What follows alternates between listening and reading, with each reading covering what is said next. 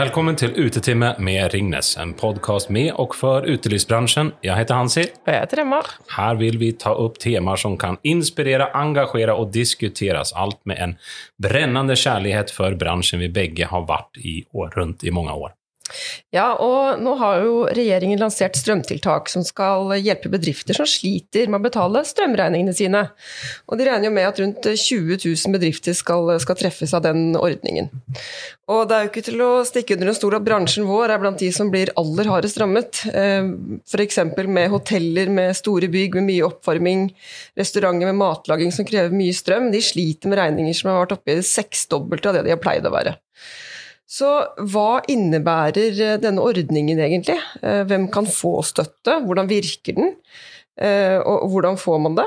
Vi har besøk av Stian Sigurdsen, direktør for politikk, tariff og analyse i Virke. Du har jo vært med å gi innspill i prosessen, og kan forhåpentligvis hjelpe oss med å forstå det hele litt bedre.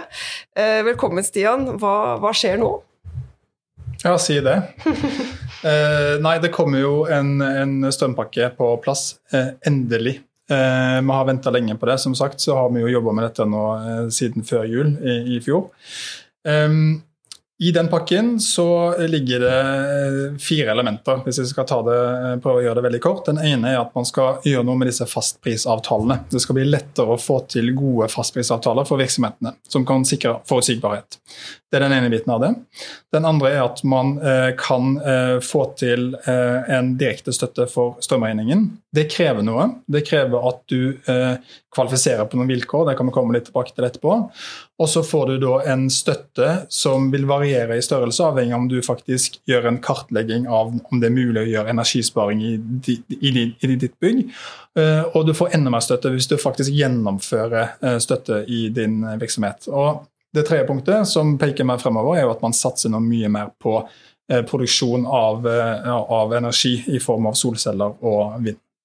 Hvordan, eh, hvordan får man denne, denne, støtten? Hvem er det som, som, kvalifiserer seg, og hva gjør man egentlig? Du må søke, det er det ja. første jeg kan si. Jeg skal prøve å dra oss bitte litt gjennom de, de vilkårene som gjelder, og, og, og sette det i en kontekst. Eh, det stilles et krav om at du må ha en strømintensitet på 3% Dette høres veldig teknisk og komplisert ut, men det betyr at strømkostnadene dine må utgjøre minimum 3% av omsetningen din. Da kvalifiserer du til ordningen. Så det er første skrittet. Du må komme inn på den.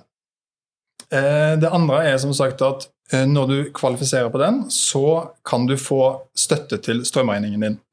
Og da blir det enda mer komplisert. Fordi hvis du da gjør en kartlegging i din virksomhet på at her kan jeg gjøre enkelte energisparetiltak, det kan være å isolere vinduene eller et eller annet, så vil du få dekka 25% av kostnadene dine på strøm over 70 kilowatt, eh, 70 eh, øre per kilowattime. Så det er det første steget, nivå 1. Hvis du derimot tenker at ok, her har jeg en mulighet til å faktisk gjøre noe, du har økonomi til å gjøre noe med det, da og iverksette tiltakene, så øker denne støtten til 45 eh, for eh, de utgiftene over 70 øre per kWt. Så jeg ser jo på nå er jeg jo til dette TV, men jeg ser på de som sitter rundt meg, at de har sånn glass i øynene allerede. Så jeg skjønner at dette kan være utfordrende. Og så er det et moment som ligger på toppen der, og det er at hvis du skal gjennomføre tiltak, la oss si at du vil eh, få et solcellepanel på taket, eller du vil etterisolere vinduene, så får du en støtte fra Enova på 50% av de utgiftene du har på det. Så det er en sånn, en, en sånn gradvis oppgradering av hvor mye støtte du får her. Jeg tenker på, Det er jo mange i denne bransjen som ikke eier byggene de driver i selv. Mm. Eh, hvordan, er med, hvordan, er det med, de som leier og verneverdige bygg og den type ting? Mister de eh, muligheten til å få økt støtte? Nei, heldigvis ikke. Eh, det med utleieproblematikken har vært viktig for oss inn i det arbeidet her. fordi vi vet at to av tre virksomheter innenfor handels- og tjenestenæringen faktisk leier lokalene sine. De eier de ikke sjøl. Så det som er kommet inn i pakken nå, er at eh, selv om du leier et sted, så kvalifiserer du til ordningen. Eh, det som er, eh, gjenstår litt, eh, litt, her, er jo detaljene på hvordan man skal fordele disse tiltakene til energisparing. Men det at virksomheten leier et lokale, gjør du kan fremdeles få støtte selv om du leier. Og Det har vært et diskusjonstema lenge. Og Dette har kommet på plass nå på slutten, og der eh, vil jeg faktisk eh, klappe meg litt på skuldra og si at det er det Virke som har fått uh, gjennomslag for i den ordningen. Hvor lenge skal denne altså støtten gjelde? I utgangspunktet så skal den gjelde frem til uh, nyttår. Um, og det kan synes som en veldig kort uh, periode. og Da har jeg lyst til, hvis jeg får lov til det, å bare liksom, løfte blikket bitte litt. For poenget her er at det kan synes lite, uh, men bakteppet for den diskusjonen vi har nå, er en økonomi som er uh, brennhet. Og Det betyr at myndighetene er ikke villige til å bruke mye penger her nå. De har sagt at 3 milliarder er på en måte den rammen som vi skal gjøre det på. Og da er jo spørsmålet Den kaka er 3 milliarder, hvordan skal vi dele den? Skal vi gi mange veldig små stykker, eller skal vi gi noen få et større stykke? Det har egentlig vært hele diskusjonen. Og så, eh, når vi kommer til januar, så har jo næringsministeren sagt at da må vi sette oss ned på ny og se hvordan ser det ut nå. Og man peker jo veldig på disse fastprisavtalene. at Hvis virksomhetene har mulighet til å få gunstige fastprisavtaler, så vil behovet for støtte være mye mindre. Men her kreves det lovendring for å få det til, faktisk. Og vi vet egentlig veldig lite om hvordan det kommer til å se ut i januar. Så det er viktig at i januar da skal iallfall vi sitte på næringsministeren og si at ok, nå må vi ta en ny vurdering. Er det behov for nye tiltak? Men du forstår at, at det kan jo virke provoserende for altså, den mindre bedriften. Eh, vi har personalkostnader som har økt. Vi har altså, matvarepriser som har gått opp, og så kommer denne elen på tillegg. Og, og i mine ører låter det litt som har du penger så kan du spara mer. Alltså investerar du hälften så ska vi investera hälften med solpanel på ett leid hus. Alltså jag märker att jag blir, jag blir litt varm i trøya når jeg hører det. ja, det, det, skjønner jeg, og jeg syns at dette er en, eh, en forferdelig situasjon. Jeg har jo vært gjest hos dere tidligere. Da snakket vi om pandemien. Ja. Eh, det var jo heller ikke noe lystig tema, så jeg må jo først og fremst tanke for at jeg bare får invitasjon til å snakke om de vanskelige, triste tingene her. Da. Eh, men, men det er klart at uh, utelivsbransjen har blitt hardt ramma de siste årene. Og vi hører jo eksempler på, på, på privatpersoner som, som, tar opp lån på hus for å få dette til å gå rundt, og jeg sitter med en veldig sånn klump i magen og sier at jeg skulle ønske at vi kunne gitt mer til flere. Og så må jeg samtidig på en måte bare være realistisk og si at de som til sjuende og sist sitter med makta her, er myndighetene. De har satt av en pott. Det vi har bidratt inn med, er en ordning der vi har påpekt de tingene som må på plass for at den skal bli best mulig. Mm. Dette er ingen perfekt ordning. Den løser absolutt ikke alle problemer i hele tatt. Men jeg mener at det er en bedre ordning nå enn når den først kom på bordet. Men hva sier du til dem som kanskje hadde sagt eh, for lite, for sent? Hva sier du der? Ja, jeg er villig til å gi de ganske rett i det. Jeg syns det har tatt lang tid. Ja. Um, og da er det en ting som, som har bekymra meg litt, og det er at nå er vi i september, helt i slutten av september. Um, og vi har på mange måter lagd en ordning, eller blitt presset inn i en ordning der vi har diskutert sånn som det var for kanskje et halvt år siden. Da var strømprisen et helt annet sted enn de er faktisk i dag. De mm. har dobla seg og tripla seg siden den gang. Så det vi har etterlyst, eh, og det er jeg ikke redd for, for å si her, det er at jeg mener at myndighetene burde vært mye, mye mye mer framme i skoen og tenkt i type scenarioer der man sa at ok, nå er strømprisen på dette nivået, da gir vi denne typen støtte. Blir den enda høyere, så gir vi en annen type støtte og mer støtte. Det har vi etterlyst. Vi får beskjed om at de jobber med det, men det mener jeg burde ha vært der. Vi har tross alt, eller vi burde ha lært noe av pandemien. Jeg merker at jeg får en sånn déjà vu-følelse her av just pandemien, der vi prater om de her sakene. Burde man ikke hatt ett, to, tre steg eller ferger, eller hva man kaller det? Og så sier du det her igjen, samme sak med strømmen. Ja, altså Jeg har jo lyst til å gi det en klem, jeg, for jeg er helt enig på dette. Altså, det, det, det, handler jo om å skape sikkerhet for, for virksomhetene. Ja. Uh, og det er, jo, det er, jo, det jobben min går ut på hver eneste dag, å jobbe inn politisk for å få til best mulige ordninger. Og det er klart at det er mange virksomheter som kommer til å være misfornøyd, eh, som kommer til å være skuffa. Eh, og jeg, som sagt, jeg syns det er vondt å stå der. Samtidig så, så er jo min oppgave å på en måte manøvrere innenfor det handlingsrommet som faktisk eh, finnes der ute. Så ja, jeg mener at her burde vi ha vært mer framme i skoen. Men jeg titta litt på de, altså, eller jeg hørte at beregningene kommer fra de tre første månedene. Eh, nu, og det kommer jo rett fra en pandemi. Och jag vet i alla fall att det är många bedrifter som kanske har mindre ström och sen så när väl kommer vintern, och, eller januari, februari, så är det mera ström som gäller. Alltså, kan du inte berätta lite grann, vad har man tänkt här? Ja. Um, nå er det sånn at uh, denne strømintensiteten som vi snakket om, den beregnes da for den uh, strømforbruket du har hatt fra januar til juni. Mm. Altså første halvår 2022. Og til det så er det jo noen ting som er um, utfordrende. Den ene er som du sier, det er noen som har hatt lav aktivitet. Det er et, et bidrag som gjør det problematisk. Og det andre er at strømprisen i januar til juni er lavere enn det vi har nå. Sånn at eh, Vi har vært veldig tydelige på at det burde definitivt ikke vært begrensa til første halvår. Man burde ha tatt med juli til september i det beregningsgrunnlaget. Og Jeg skal bare gi dere et eksempel på det. Jeg har gått gjennom og sett på utelivsbransjen i Norge. Mm.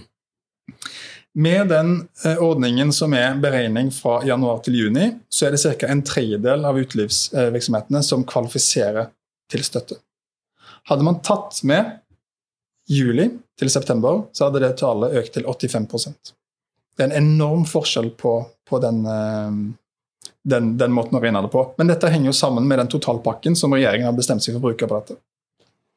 Jeg tenker også For vår bransje, det er jo både at de første månedene så var det koronanedstengninger. Vi har også kanskje bransjen, en av de bransjene som har flest sesongvariasjoner. Eh, hvor på en måte den Eh, om det er tatt med i, i, tanken her, eller om det bare er dette halvåret. Eh, blir det noen endring på det, eller er det er det, det som, som, er utgangspunktet nå? Um, som sagt, vi har jobba veldig hardt for å ha søknadstidspunktet som beregningsgrunnlag. Det betyr om du da søker i september eller eh, oktober eller november, så er det strømintensiteten de siste 30 dager som skal gjelde. Mm. Eh, så er det sånn at denne ordningen av natur er et kompromiss. Det har vært et kompromiss fra den første dagen vi begynte å snakke om det, til det som nå er presentert.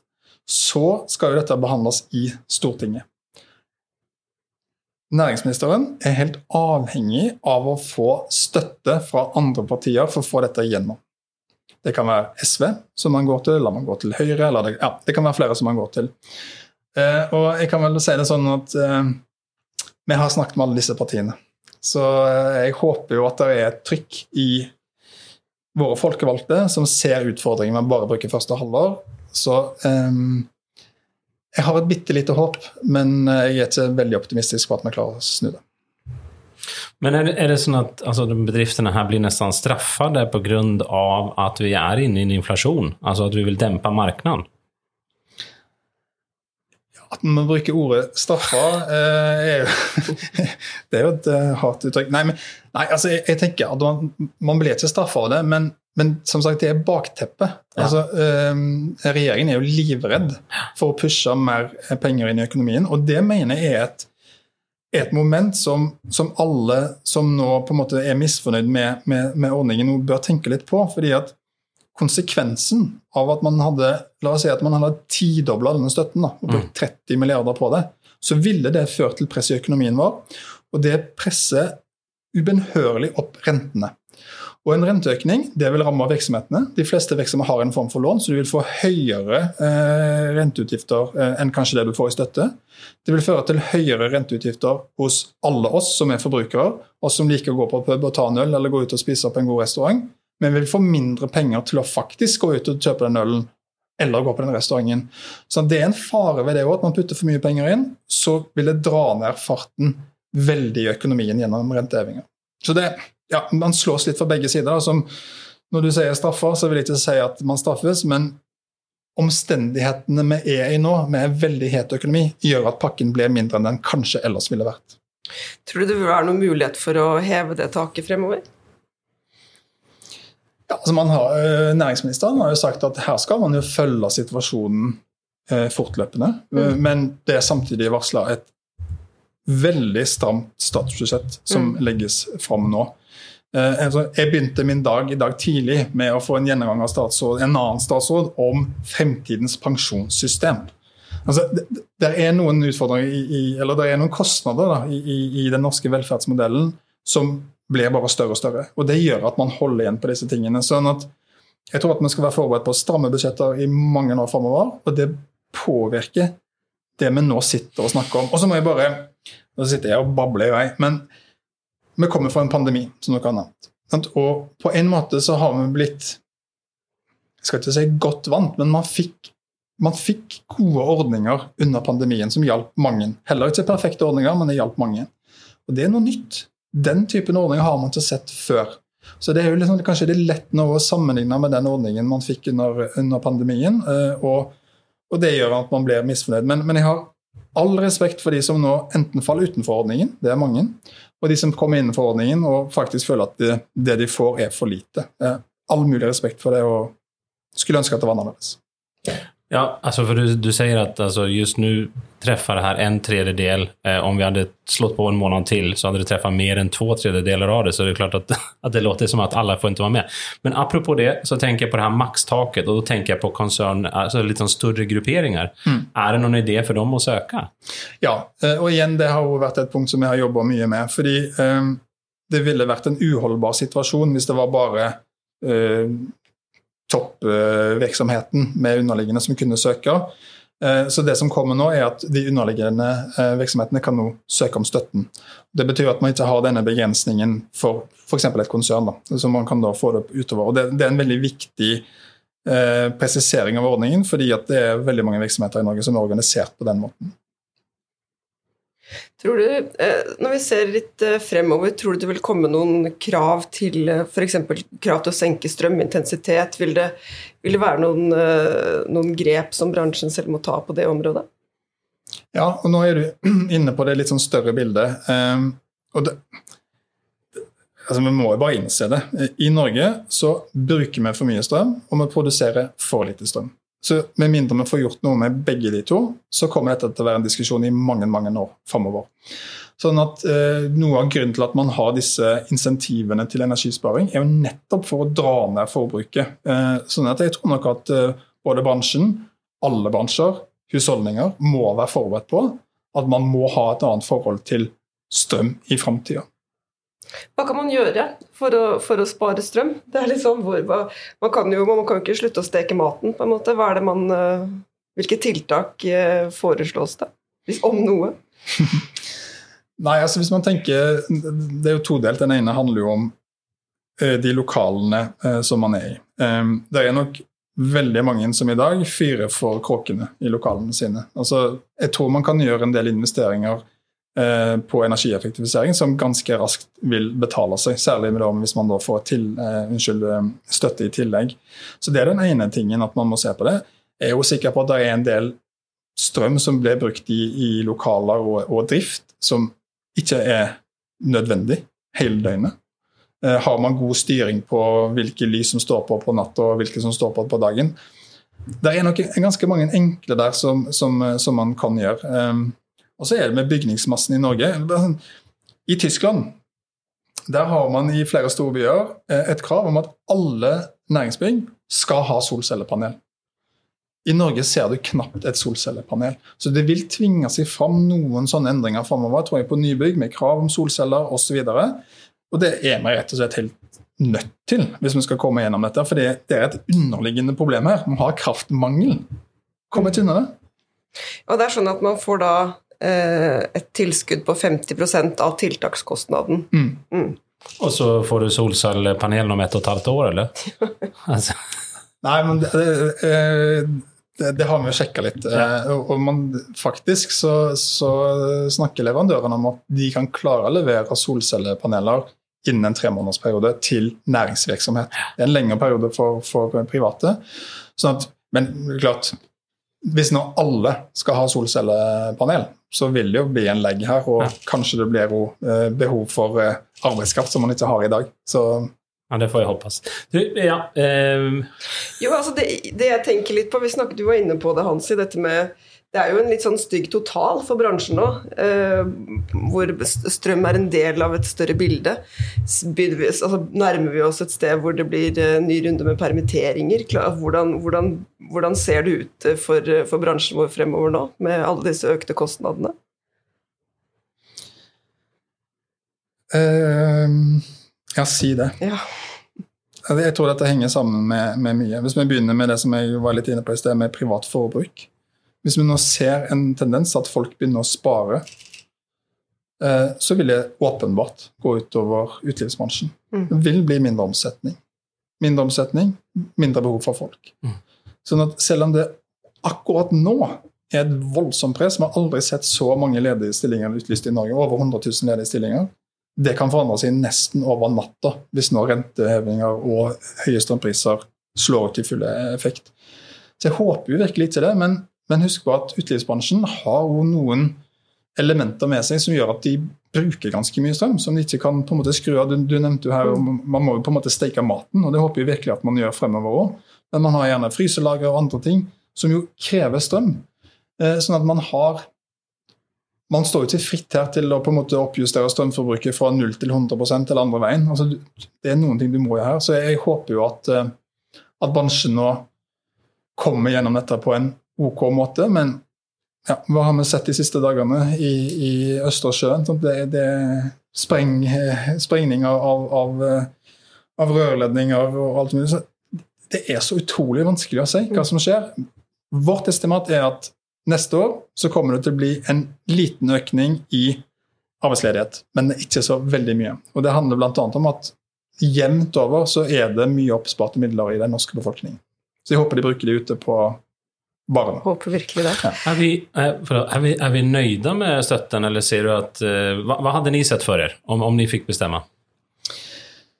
Nei, altså Jeg skulle ønske at det var en støtte som traff bedre når vi har virkelig høye priser. Eh, det har vært en stor diskusjon på dette med makspris. Eh, og det å ha en makspris i utgangspunktet er en forferdelig dårlig idé på en knapphetsvare.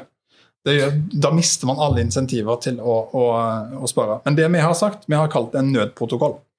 Og det er at Når man kommer på et visst nivå på, på kostnadene på strømmen, så bør staten gå inn og på en måte sette et tak. Um, sånn at, uh, la bare få ta et eksempel her, da. At, at, en, en, næringsaktør aldri skal betale mer enn 2,80 for kilowattøre. Det, det, da vil man på en måte få, få bremsa det, i hvert fall sånn at man kan ha en forutsigbarhet på hvor mye det faktisk får i utgifter framover. Så ja, jeg mener at det skal være noen tiltak som kommer nå. Der må vi være litt forsiktige. Regjeringen er veldig forsiktig på det. Men vi må ta høyde for enda høyere strømpriser. Nå sitter vi her i september-oktober. Det er ikke begynt å bli frost ute ennå. Hadde vi sittet her om tre måneder, så hadde det vært bikkjekaldt. Strømprisene kommer til å øke. Det må vi begynne å planlegge for, og vi må ha tiltak som er mer kraftfulle enn det vi har per i dag, mener jeg. Vi snakket jo litt med noen bransjekollegaer i forkant, og det var jo en del som ikke hadde hørt om strømstøtten, og, og mange som var usikre på hvordan de skulle gå frem. Mm. En sånn konkret, hvordan, hvordan kan en, en, driver av et utested Hva skal de gjøre nå for å, for å få den hjelpen de har, har rett til? Nei, altså Det kommer jo forhåpentligvis eh, god informasjon på ulike steder etter hvert når dette er gjennom i Stortinget. Eh, men nå kan jeg snakke fra, fra mitt eget ståsted og Virke sitt ståsted. Der har vi jo informasjon som oppdaterer fortløpende på våre nettsider. Både med inne eh, faktatekster, vi har eh, Q&As på de mest vanlige spørsmålene. Eh, og vi gjennomfører òg eh, seminarer for medlemmer Eh, og det er mulig vi skal åpne det for andre år, der vi faktisk går gjennom og hjelper til med dette med energikartlegging f.eks. Sånn at man faktisk får hjelp til dette kan du gjøre helt konkret, som hjelper deg til å få utløst denne støtten. Så jeg håper jo at eh, flest mulig måte, er aktive her og oppsøker og, og settes inn i det regelverket som er, sånn at flest mulig faktisk får den støtten de trenger. Tusen takk til deg, Stian Sigersen fra Virke. Takk for at du kunne komme. Eh, håper, håper, at du fortsetter å jobbe for saken. Så får vi håpe at neste gang du kommer, så er det et litt hyggeligere tema vi skal snakke om. Jeg skal akkurat si det. Neste gang så, så, så krever jeg en sånn hyggelig sak. Ja, Gladsak neste gang.